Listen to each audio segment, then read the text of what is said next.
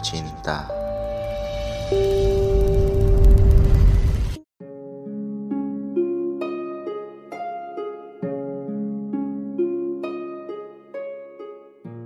Raffi dan Putri adalah kakak beradik yang sangat akrab.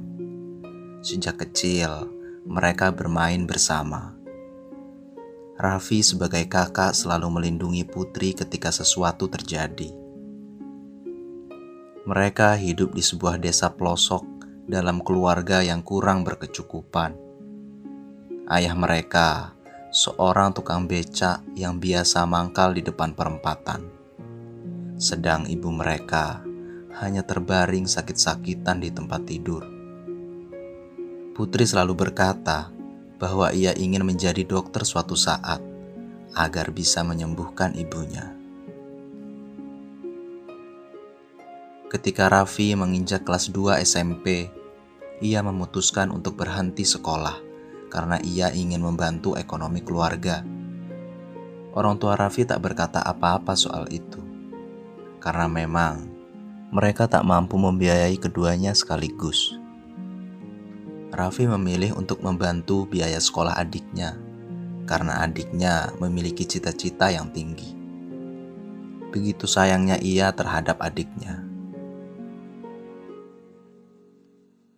Raffi menjadi kuli panggul di sebuah toko tepung.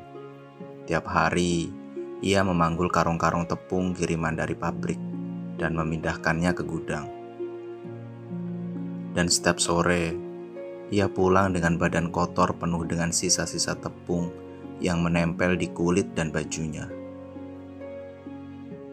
Ia melakukan pekerjaan itu bertahun-tahun hingga adiknya Putri kini telah lulus SMA. Putri berkata kalau ia ingin melanjutkan belajarnya ke jenjang perkuliahan. Ayahnya berkata pada Putri untuk tetap di rumah saja merawat ibunya. Namun Raffi kakaknya berkata sebaliknya. Ia ingin melihat adiknya mewujudkan cita-citanya. Untuk masalah biaya, Raffi siap menanggungnya. Dan ia juga akan merawat ibu dengan baik. Ibu mereka pun juga setuju dengan perkataan Raffi. Ia tak mau menjadi penghalang untuk Putri menggapai cita-citanya. Akhirnya, berangkatlah Putri ke kota besar untuk melanjutkan studinya di kampus ternama. Ia hanya membawa keperluan seadanya. Di sana, ia menyewa kos dengan mahasiswa baru lain yang juga datang dari jauh.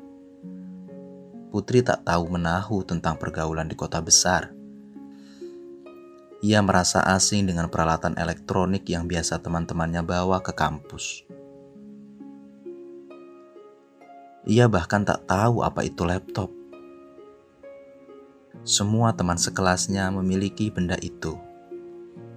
Mempunyai laptop adalah hal yang lumrah di lingkungan kampus. Bahkan sudah menjadi kebutuhan pokok bagi para mahasiswa. Kadangkala, Putri merasa malu ketika harus terus-menerus meminjam laptop temannya untuk mengerjakan tugas. Namun Putri tetap bersyukur Baginya, bisa melanjutkan studinya di kampus ternama saja itu sudah cukup. Ia tak banyak mengeluh untuk itu. Ia menyadari bahwa ayah dan kakaknya tengah berjuang demi membiayai dirinya. Ia tak mau menyanyiakan perjuangan mereka. Hingga suatu ketika terjadi satu hal yang membuatnya sangat terharu.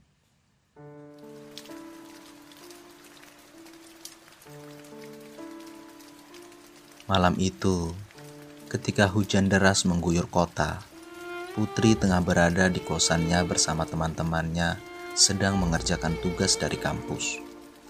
Seperti biasa, Putri menunggu temannya selesai mengerjakan terlebih dahulu. Lalu, ia akan meminjam laptop temannya dan mulai mengerjakan. Salah satu temannya berinisiatif mengecek jendela untuk melihat apakah hujan sudah reda. Tak disangka, di halaman depan ia melihat seseorang tengah berdiri di bawah guyuran hujan. Ia terlihat seperti tunawisma yang sedang mencari tempat berteduh. Ia pun merasa takut dan memberitahukan hal itu pada teman-temannya yang lain. Putri yang sedang sibuk mengerjakan tugasnya tak begitu memperhatikan perkataan teman-temannya itu. Mereka bermaksud untuk mengusir tunawisma tersebut. Tiba-tiba, orang itu memanggil salah seorang di antara mereka. Putri, Putri. Orang itu memanggil dengan suara yang lembut. Putri terkejut mendengar suara itu. Ia tahu persis siapa orang yang memanggilnya.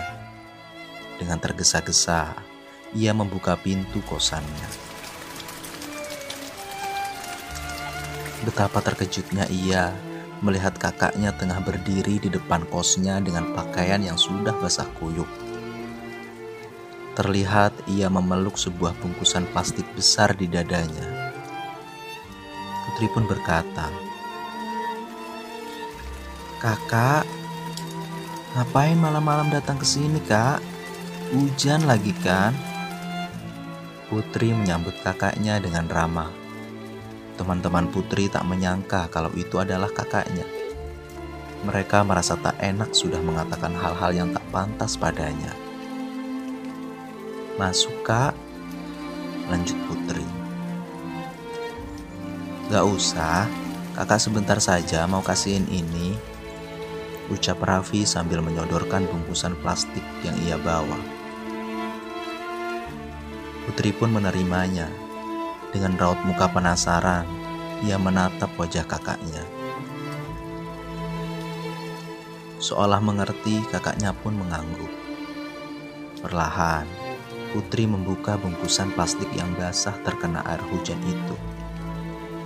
Sesaat kemudian, ia terdiam membisu.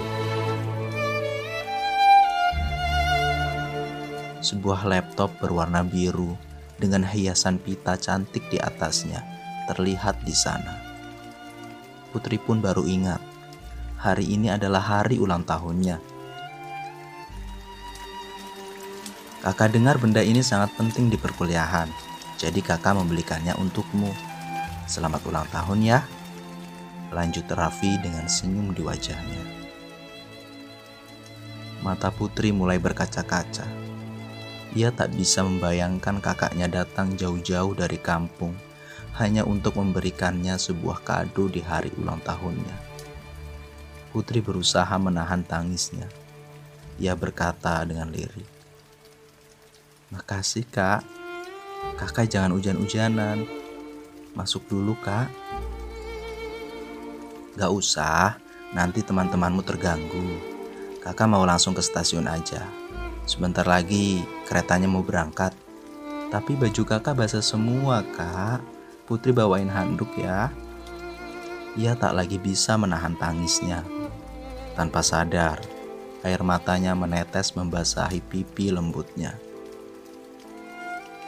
Gak usah, gak apa-apa. Kakak pergi dulu. Belajar yang rajin ya.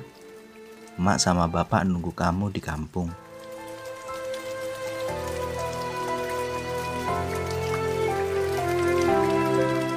Putri hanya bisa berdiri mematung. Air matanya tak berhenti mengalir.